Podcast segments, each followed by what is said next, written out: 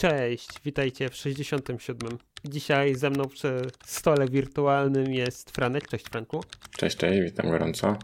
Zaczniemy od razu od takiego newsa, nie newsa, że się tak wyraża, czyli State of JS 2021-2022 właśnie otworzyło swoje wrota przed nami deweloperami, więc możemy wypełniać te, te całe service. Chciałbym Ci dzisiaj trochę opowiedzieć o, o błędzie w Safari i WebKicie i dodatkowo o tym, jak to nasz Fater znowu gdzieś przebija się do mainstreamu i jeszcze mhm. o, o tym, jak to AdBlock jest trochę bardziej legitny w takim fajnym, wielkim kraju, jakim są Stany Zjednoczone. No to ja z kolei e, trzy biblioteki, które chcia, którymi chciałbym się podzielić.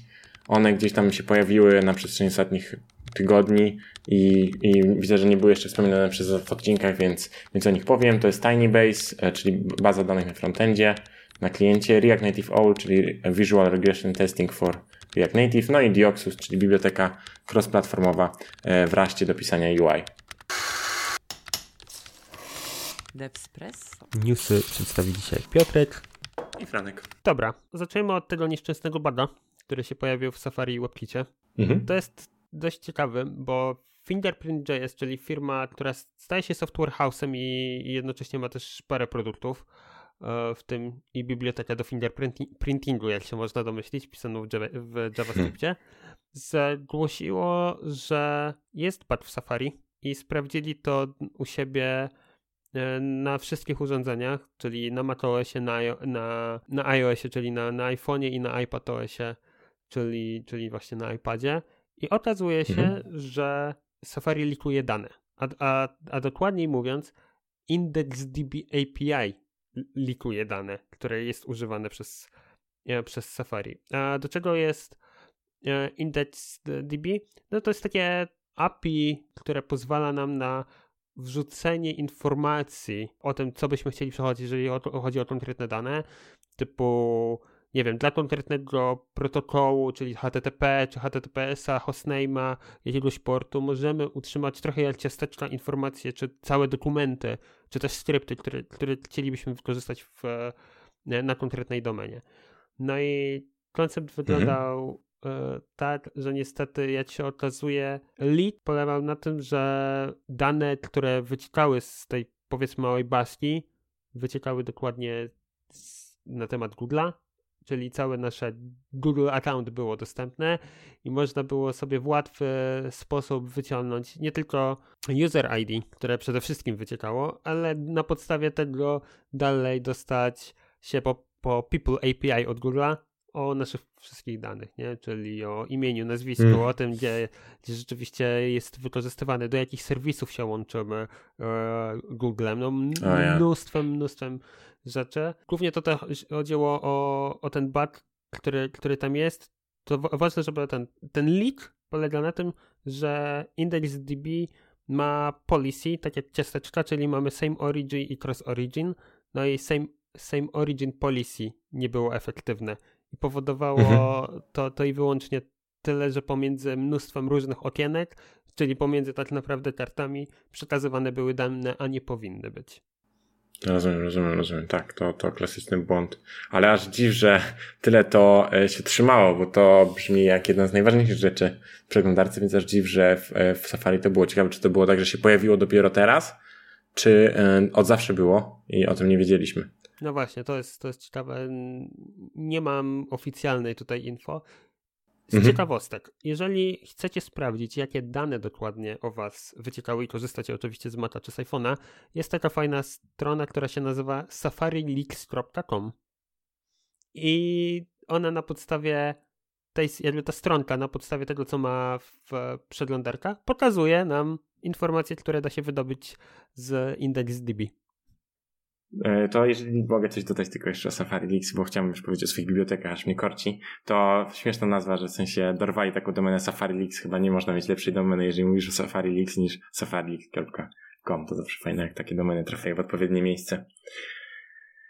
E, I w sumie pierwsza biblioteka, której chcę powiedzieć, też ma tego rodzaju szczęście, bo nazywa się TinyBase i zasadniczo jest właśnie tym, czyli jest miniaturkową bazą danych, którą mamy na kliencie, napisaną w e, JavaScriptie działający też TypeScriptem, e, która pozwala po prostu przechowywać dane zamiast w obiektach, tak, które prędzej czy później stają się no, męczące do pracy, z, do optymalizacji. Tworzy taką znaną nam ze SQL-a, ale nie SQL-ową bazę danych, w której mamy tabelki, mamy y, komóreczki, mamy y, wszystko to, co znamy, po prostu schemę, tak? I ustrukturyzowany sposób trzymania danych i pozwala z tymi danymi synchronizować na przykład Reactowe UI.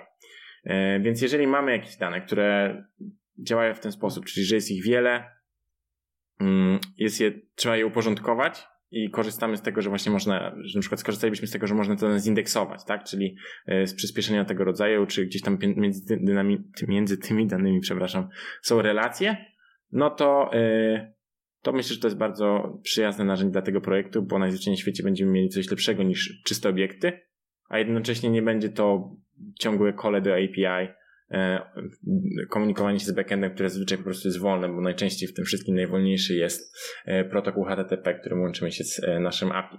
Więc wydaje mi się, ta biblioteka, jeżeli ktoś ma bardziej złożony stan, nie mówię o prostych counterach, tylko coś, co, nie wiem, jakieś dużo, dużo danych w tabelkach, a chcemy je trzymać po stronie klienta z jakiegoś powodu, to Tinybase może być akurat rozwiązaniem dla tej osoby. Okej, okay. fajnie to wygląda, nie, nie, nie ukrywam. Jest to bardzo, bardzo reaktowe. I, tak, i co ciekawe, prawda. wygląda to, to tak, że równie dobrze możemy te wszystkie dane sobie przechować też za pomocą Tiny, i Tiny Base'a, e, czy to nadal w przeglądarce, czy w pliku, czy nawet wysłać to na serwer, jeżeli potrzebujesz i później sobie to po prostu pociągnąć i wczytać do Tiny Base'a. Wow, tak. bardzo fajny model. Bardzo fajnie to wymyślili. Wiadomo, że no, ktoś musi być sympatykiem baz danych i tak jak mówię, nie ma też tego, co wkładać w każdy projekt, no bo jeżeli mamy proste przykłady, to będzie to znaczący overkill. Ale sama baza, w sensie samo to Tiny Base nie waży też dużo, więc tak jak mówię, są na pewno use cases, gdzie to będzie bardzo przydatne, więc fajnie, żeby taki projekt znać i gdzieś tam w razie czego wyciągnąć go z kieszeni i powiedzieć, tak, to jest idealne rozwiązanie naszego problemu. No jeżeli uderzycie właśnie, wydaje mi się, że w taki sufit wydajnościowy z obiektami, bo jeżeli zmieniamy obiekty, gdzieś tam to imit, im, w sensie niemutalność, niemutowalność mm-hmm. obiektów, e, immutability, o, e, to wtedy myślę, że to Tiny Base będzie jak najbardziej na miejscu, a że tydzień temu pojawi, jakby pojawiła się wersja 1.0, no to e, można próbować i można, myślę, e, dać czadu z tą biblioteką. Mm, to polecamy. Polecamy jak najbardziej. Ja sam z chęcią z niej pewnie skorzystam w niektórych, w niektórych aplikacjach, które mam, tym bardziej, że sam podstawowy moduł Store, który powinien wy wystarczyć w 50 czy nawet pewnie z 70% z tego, co gdzieś tam opisują e, u siebie w dokumentacji, waży, że całe 2,6 kilobajta. No po prostu wow. Dokładnie tak. No, a jeżeli byście na przykład robili refactor, znalazłszy e, Tiny Base'a chcielibyście zrobić refactor ze swojego starego sposobu trzymania danych na nowy, a nie chcielibyście, żeby e, cokolwiek się zmieniło dla użytkownika, jeszcze do tego jakże nie, e, nieznaczącego zestawu wymagań dorzucimy, że twoja aplikacja jest w React Native.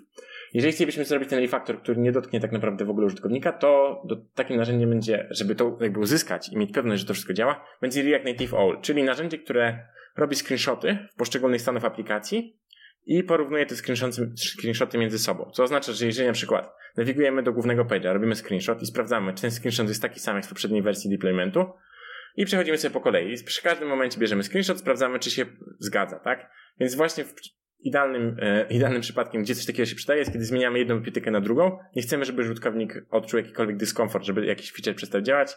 I ten Visual Regression Testing, bo tak nazywa się ta technika, brania kolejnych screenshotów, porównywania będzie pasował jak ulał, no bo e, użytkownik będzie widział dokładnie to samo, więc screenshoty się nie będą zmieniać, a my pod spodem wymienimy silnik, na którym to wszystko działa.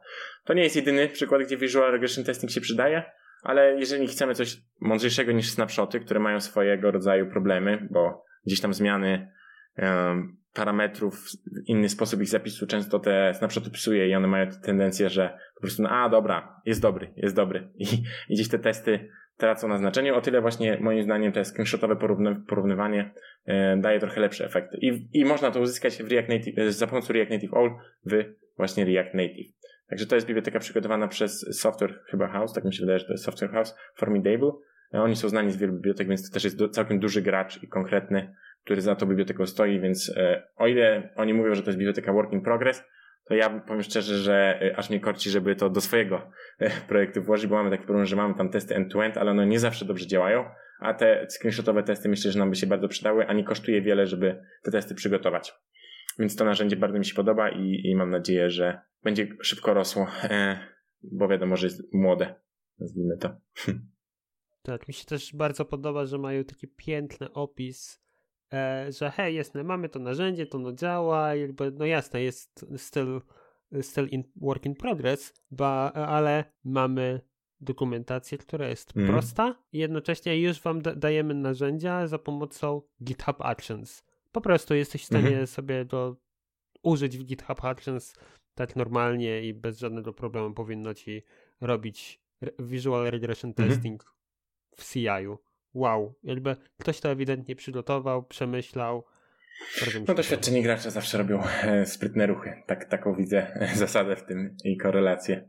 E, tak, i jeżeli chodzi o trzecią bibliotekę, o której chcę powiedzieć, żeby się nie rozdrabniać, to chyba ta, od której jestem, znaczy względem której mam największe oczekiwania, nazywa się Dioxus e, i e, tak jak już wspominałem, jest napisana w Raście jest mocno inspirowana Reactem i zasadniczo jakby jednym z haseł jest to, żeby Reactowi deweloperzy czuli się jak w domu.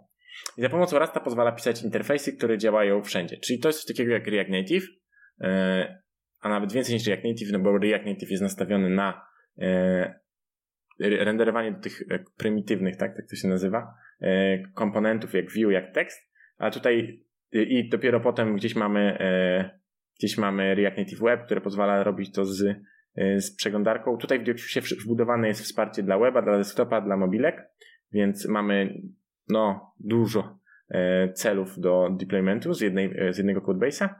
No i oprócz tego mamy też Rasta, który sprawia, że nie będzie nigdy żadnych żadnych, e, nazwijmy to runtime errorów, tak? Czyli w momencie, w którym e, coś tam, coś tam jest undefined i nie jest funkcją i a, zaczynają się problemy. I mimo, że wiem, że wszyscy przerzucili się na TypeScripta i TypeScript pozwala e, usuwać te errory, TypeScript jest tylko nakładką na JS-a i te błędy też czasami mogą się przedrzeć, zwłaszcza jeżeli komunikujemy się z API i z tego API coś nie przyjdzie tak jak trzeba, gdzieś tam się to wszystko posypie na którymś etapie. Nie w Dioxusie, bo raz nie pozwala na tego rodzaju e, odejścia. Tam bardzo, nie wiem, czy jeżeli pracowałeś z, z rastowym kompilatorem, no to on tak naprawdę co krok na ciebie patrzy złym wzrokiem i rzuca się o każdą najmniejszą, e, naj, najmniejszy problem. Nie pozwala ci żadnego kodu z jakimkolwiek błędem przepuścić. Natomiast później właśnie rezultatem jest to, że twoja aplikacja, kiedy ją wypuścisz, nie ma żadnych tego rodzaju błędów. Więc to są te największe, największe plusy tej biblioteki. No i już na, na stronie to, co mi się bardzo podoba, jest dużo przykładów aplikacji, które e, za pomocą tej biblioteki są, jest zrobionych. E, I e, te, te przykłady są zdeployowane właśnie mogą być na, na komputer, mogą być na przeglądarkę, mogą być na mobilki, więc wszystkie te najważniejsze cele są obskoczone. Nawet ich strona jest napisana w ich własnym frameworku, co nie powinno dziwić, ale jednak jak patrzę na tę stronę, no to nie widać zupełnie, żeby to była strona jakaś w raście, czy, czy coś niezwykłego, żeby to było, co jest akurat plusem w tym, w tym jednym wypadku i co mi się bardzo podoba. No bardzo fajnie to wygląda, no naprawdę te, te guidy, które mają, mm. wygląda, wygląda to super, jakby tak to powinno wyglądać, żeby, e, powiem Ci tak, kiedyś o, o Reactie się mówiło, że ta dokumentacja była średnia, y? No to widać, że tutaj taki DLSys, który tak naprawdę racuje. 01. No właśnie, e, ma lepiej przygotowaną przynajmniej guidy, nie? Pytanie jak z dokumentacją, ale też wygląda na, na całkiem. Prawda, to prawda i opisującą większość, większość rzeczy, którą my jako Reactowcy wykorzystujemy w tym. Część, e, część rzeczy ze state managementu. Mhm. Co ciekawe, część elementów nadal ma puste strony oczywiście, więc ewidentnie widać, że ktoś o tym myśli i chce, tak. chce to ogarnąć. Przykład suspense. tak, jest tutaj wbudowany suspense. Trochę inny. W sensie to właśnie jest jedna z rzeczy, które, które działa trochę inaczej, czyli Suspense nie jest wbudowany głęboko w, e, w bibliotekę, jest trochę wyżej e, i jest też jakby inny sposób podchodzenia do tego, jak, e, jak się feczuje dane, bo używa się tutaj coroutines. Ja nie jestem ekspertem rastowym, trochę robiłem podejść pod to, ale chyba jestem za cienkim programistą, żeby, żeby zrobić to sensownie i się namęczyłem mocno. Mm, natomiast, tak jak mówię, jest tutaj trochę po prostu inaczej, nie ma, nie ma tej asynchroniczności E, w ten sposób, jak to jest w, e, w Reakcie. Więc na to, trzeba, na to trzeba zwrócić od początku e, uwagę. bardzo fajnie, też mi się podoba i e, zważywszy na fakt, że gdzieś tam miałem się rozglądać za ostatnio za biblioteką, w sensie my mamy doświadczenie, ja, w firmie, w której pracuję, mam doświadczenie z React Native e, i e, z tego React Native jestem całkiem zadowolony, natomiast no, ma to swoje, powiedzmy, problemy e, React Native sam w sobie, zwłaszcza jeżeli złożymy, w sensie każda z rzeczy, mówię tutaj o TypeScriptie, mówię tutaj o React Native, mówię tutaj o Reactie samym w sobie. Każda z tych bibliotek jest cudowna, kiedy rozmawiamy o nich osobno. A potem przychodzi moment, kiedy musimy to razem skonfigurować, tak? Czyli do TypeScript, do React Native z deploymentem, coś tam, coś tam. I tu się zaczynają schody w każdym projekcie, kiedy próbujemy te kilka fajnych bibliotek połączyć, żeby tworzyły jedną, um, jedną spójną całość. I wydaje mi się, że tutaj trochę ten problem jest zaradzony, bo wiele rzeczy jest budowanych, więc działa, po prostu działa. Nie musisz się zastanawiać nad tym, jak je posklejać, żeby działało. Więc to też jest moja duża nadzieja związana z, z, z tą biblioteką.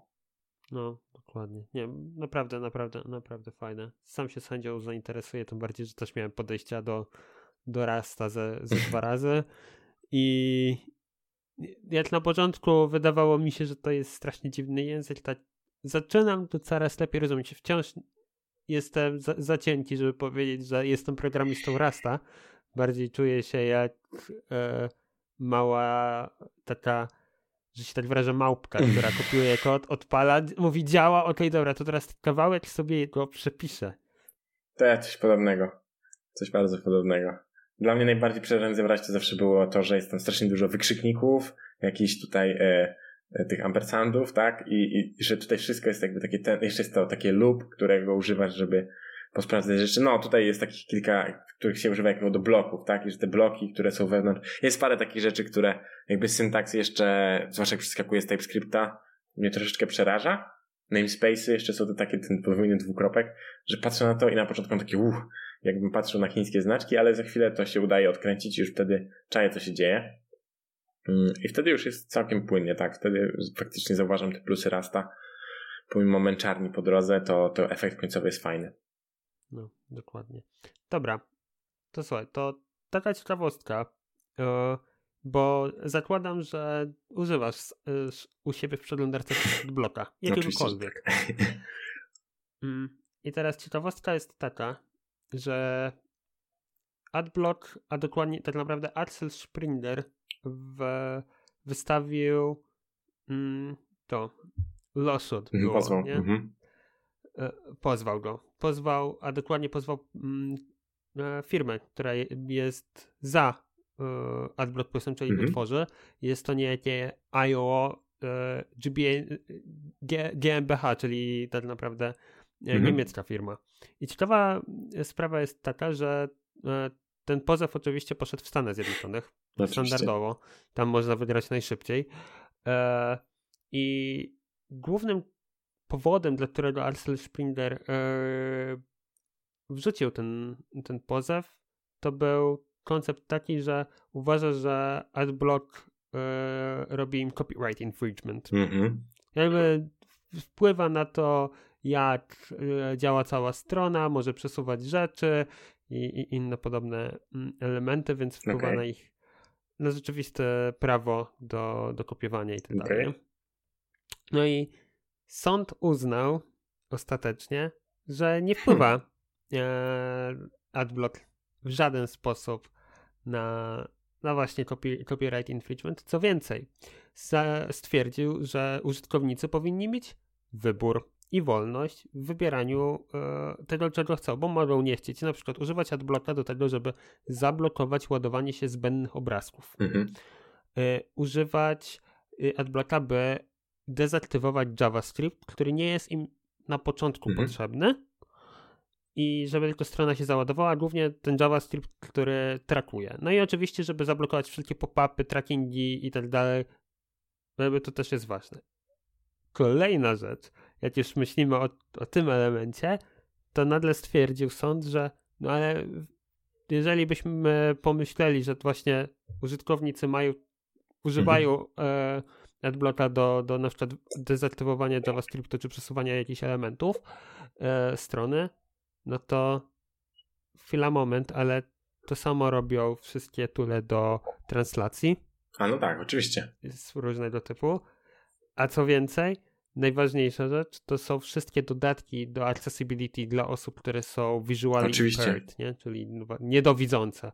No i one przecież nie wpływają na, w żaden sposób na, na prawo e, autorskie i inne podobne tego typu rzeczy. No powiem ci szczerze, Nadle, powiem szczerze, że, nadle powiem szczerze, że jak to słyszę, no? To jest dla mnie niesamowite, bo to brzmi niesamowicie racjonalnie. Aż jestem zdziwiony, że to jest faktyczne orzeczenie sądu, a nie jakaś wypowiedź kogoś, kto się zna na temacie. Bo często jest tak, że, że w sądach zasiadają osoby, które, zasiadają osoby, które nie są w pełni zaznajomione z tematem, a tutaj ktoś podszedł do tego mega rzetelnie. I e, no, podoba mi się, strasznie mi się podoba to orzeczenie. Już abstrahując od faktu, jakby ten adblock jest legalny czy nie, no to podejście pod tytułem nie, akurat ta sprawa, copyright infringement, i w kontekście właśnie, tak jak mówisz, nakładek do tłumaczeń, a przede wszystkim tych nakładek dla, e, dla accessibility, no bardzo mi się podoba takie podejście e, całościowe, tak, spojrzenie na sprawę szerzej i no, jestem ukontentowany, wyjątkowo ukontentowany, a to mi się nie zdarzało, jak czytałem niektóre wyroki, bo mi się zastanawiałem się nad tym, kto taki wyrok wydał, a teraz chciałbym, chciałbym wiedzieć, kto taki wyrok wydał, bo chciałbym naprawdę pogratulować, szczerze. No, to prawda. Co ciekawe, widzę tutaj, że e, to jest już kolejna sprawa e, z tego, co tutaj się działo, bo drugi podobny, druga podobna sprawa była, co ciekawe, w mhm. Hamburgu. I tutaj też oczywiście ta sama firma wygrała w, tej, w bardzo podobny sposób, więc to powoduje precedens w nie, mhm. niemieckim, niemieckim sądzie. E, Axel Springer, co ciekawe, mm, mówi całkowicie wprost, że nie zamierza tutaj w żaden sposób e, zostawić no, tego. No i pomimo, że sprawa została już odroczona i gdzieś tam stwierdzono, że mm, no niestety, ale firma IO jest tutaj wygranym, Axel Springer chce złożyć apelację. Oczywiście. No oczywiście, że będą składać apelację, ale powiem szczerze, że tutaj e, brzmi naprawdę mm, w sensie cała ta argumentacja e, wyroku brzmi bardzo bulletproof, tak? Że nie ma dziur, e, więc, więc wątpię, żeby ta apelacja coś dała, chyba że pojawiły się jakieś nowe, nowe fakty. Natomiast y, wydaje mi się, że tutaj może być zła, zły, zły wektor ataku, tak? Czyli powiedzieli o tym copyright infringement, nie wydaje mi się, żeby tutaj dało się po prostu ugryźć, chyba że zmienią, zmienią podstawę, tak? Czyli powiedzą, że to im obcina zyski w jakiś tam sposób sensowny, uargumentują i zmienią, zmienią trochę narrację, to może, może widzę tutaj szansę na apelację, ale jeżeli będą apelować w tym samym, w tym samym tonie, no to, no to wydaje mi się, że mogą być przegrani z góry. Dobra. To teraz taka ciekawostka do Fakera. Wrócimy sobie do biblioteki sprzed e, z ostatniego odcinka, czyli sprzed tygodnia. E, jak dobrze pewnie kojarzysz z tym, było to całe zamieszanie z Fakerem e, i, jego usunięciem i SNPM, a właściwie nie do końca jego usunięciem, tylko niedziałaniem, później usunięciem na chwilę całej biblioteki z GitHuba i tak SNPM, a później przywrócanie go. No, było tego mnóstwo i ciekawostka jest taka, że część deweloperów wkurzyła się na to, co, e, co zrobił mhm. Marak Squares i stwierdzili, że tego tak nie zostawią, więc e, po prostu stworzyli własny własny mhm. fork Fakera. I złożyli się w, w 8 osób, każda z nich pracuje w totalnie w innej mhm. firmie. E, do tego um, udało im się E, stworzyć własną organizację na GitHubie, stworzyć organizację wewnątrz Open Collective i udało im się fundusze przerzucić częściowo ze starego Open, jakby ze starego kolektywu dla, dla Fakera do nowego. Mieli parę rozmów e, na ten temat, tym bardziej, że miało to znaczenie względem funding YAMLa, żeby napisać, kto rzeczywiście funduje mhm. Fakera, no i oczywiście jako, że to był fork, był zapis o, o Maraku, Chci, nie chcieli tego tak zostawiać, więc udało no im tak. się e, udało im się to w miarę ogarnąć. No i mają naprawdę bardzo wiele planów. Jedną z nich to jest to, że chcą dodać ESM-a y, jako support. Chcą dodać, y, przenieść się z Browserify na Rollup lub mhm. Vita, y, usprawnić DOTS, usprawnić testing infrastructure, mm, dodać Interactive Playground na przykład, czy y, dodać e, kompatybilność z Nodem 18. Mhm. Naprawdę mają fajne plany. Wygląda to, to super, tym bardziej, że oni wprost mówią, że to jest dla nich paczka, która ma e, być wykorzystywana w, w wielkich korporacjach. Oni, oni sobie z tego zdają sprawę, że oni budują aplikację, paczkę dla innych aplikacji, z których korporacje mhm. korzystają. I, I to jest super, że ktoś jest tego tak bardzo świadomy, że tworzy forka z czegoś, co już było i gdzieś miało problem z maintenance'em, że tak, my sobie zdajemy z tego sprawę, będą na to pieniądze i, i będziemy to utrzymywać. Bardzo fajnie. No tak, no tak. Znaczy, ja oczywiście tutaj myślę, że warto wspomnieć, że ta cała sprawa nie jest czarno-biała i jest trochę skomplikowana. Natomiast e, też przeglądałem dokumentację, czytałem ich e, tłumaczenia różnych rzeczy. Bardzo fajnie E, jakby zmodernizowali tę aplikację, znaczy Boże, bibliotekę e, i też e, tam, bo to jest tak, że zebrali paręnaście forków pod jeden szyld, bo to też jest tego kwestia, że wszystkie forki, które poprzednie Fakera się pojawiły, zebrali w jeden, pod, tak jak mówisz, jedną organizacją, z ośmioma osobami, które się nią zajmują, przekazali, bo tam też rozdzielili to fundowanie, zwrócili należne pieniądze poprzedniemu deweloperowi, mm. A teraz ten, ten nowy Open Collective, tak jak mówisz, będzie fundował development e, bieżący. Więc, więc mi się podoba, natomiast sama sprawa tego fakera, to tak jak już wspominaliście w ostatnim odcinku, no to jest temat debaty i e, każdy może mieć jakieś swoje zdanie i myślę, że, że jak najbardziej powinien. To nawet do tego bym się skłonił, że każdy zdanie jakieś powinien mieć. Niekoniecznie jest to takie proste zdanie jak to, że on nie miał racji, a ten miał rację. Wydaje mi się, że, że prawda, czy prawda jest tam, gdzie jest prawda, ale yy, więc nie ma, nie, bo chciałem powiedzieć, że prawda jest pośrodku, ale to nie jest do końca prawda, no prawda jest jedna. Natomiast jeżeli chodzi o interpretację i odpowiednie zachowanie wokół niej, no to tego jest już trochę więcej i jest to trochę bardziej skomplikowane, ale to, te, to też powtórzę to, co mówiliście w ostatnim odcinku, czyli że to chyba trzeba byłoby nagrać jeszcze odcinek specjalny, gdzie po prostu tylko można byłoby o tym debatować, bo, bo tutaj jakby jest dużo rzeczy po kolei, które się zebrały na, tego, na to wydarzenie z Fakerem i każde z nich można by rozpatrywać w wielu aspektach i tak naprawdę e, no nie chcemy zapychać kolejnego odcinka e, długo chyba debatę na temat Fakera, tylko, tylko ewentualnie e, jakieś dodatkowe medium wykorzystać, żeby, żeby o tym podyskutować. Dokładnie, dokładnie tak. Więc jeszcze raz przypominam, jeżeli chcecie usłyszeć, co my myślimy tak naprawdę o tym, co się zadziało w Fatera, bo oczywiście będą to nasze subiektywne no. odczucia wobec tego, co się w ogóle dzieje w świecie open source'a, to dajcie znać. Wtedy stworzymy taki odcinek najpewniej o tym, e, o tym podyskutować. A ja chciałem tylko jeszcze dodać trochę prywaty, e, że przed tym odcinkiem e, Piotrek powiedział mi, żebym odsłuchał poprzedni, żeby się do niego odnieść. I byłem pewny, że chodzi właśnie głównie o Fakera. O to, żeby się odnieść do Fakera, w związku z tym, że te zmiany się wydarzyły. Jechałem sobie grzecznie autem, sam, i zacząłem sobie słuchać podcastu. I e, moje imię padło tyle razy w tym podcaście, że aż szczeliłem buraka sam przed sobą, bo każde rozwiązanie gdzieś tam, w sensie moje nazwisko padało przy każdym, e, w sensie imię padało przy każdym state management toolu i przy Fakerze powiedzieliście, że fajnie było posłuchać. Nie było mi strasznie miło, także dzięki wam za to i, i zrobiliście mi dzień, szczerze mówiąc, e, jak wtedy, no ale też poczułem się trochę zawstydzony. Także dzięki jeszcze raz i, i było mi bardzo miło. E, tyle.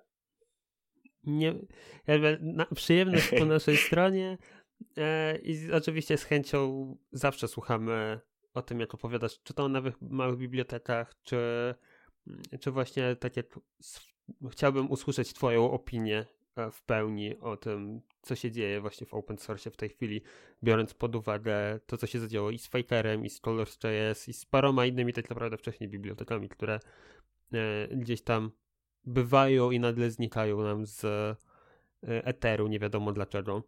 Więc jakby tutaj na pewno by się przydało tak więcej komentarzy. Tak, no a ja tylko chciałem podziękować, że w sumie tak naprawdę, bo to jest pierwszy odcinek w nowym roku i w zeszłym roku tak naprawdę jestem w Tespresso jakby już dłużej niż poprzedni rok, ale ten poprzedni rok był taki najbardziej intensywny, więc pozostaje podziękować też za ten cały rok wspólnej w sumie nagrywki.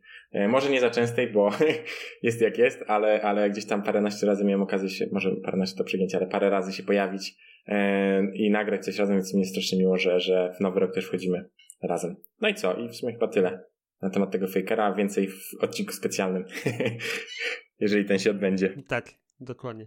Jeżeli ten się odbędzie, dokładnie tak. Dobra, słuchajcie. To jest tyle, jeżeli chodzi o odcinek 67. Zapraszam do komentowania, subskrypcji i, i ogólnie o tym, żebyście też dołączyli do naszego Discorda. I tyle. Słyszymy się w, za tydzień. Najprawdopodobniej nie ze mną i nie z Frankiem. Jeżeli się nie mylę, to będzie Julek i Łukasz. O, będzie Julek i Łukasz. No to oni będą w waszych dziurkach usznych. Tak. Będę mówić o fejkerze. ja no nie będę mówić o fejkerze, ale chyba coś się wydarzy jeszcze, bo tak widzimy, tam wszystko jest gorące, więc, więc może jeszcze coś, ale chyba się studzi powoli, więc może już tego fejkera powolutku odpuścimy. To dzięki zatem i do usłyszenia. Dzięki, dzięki, cześć.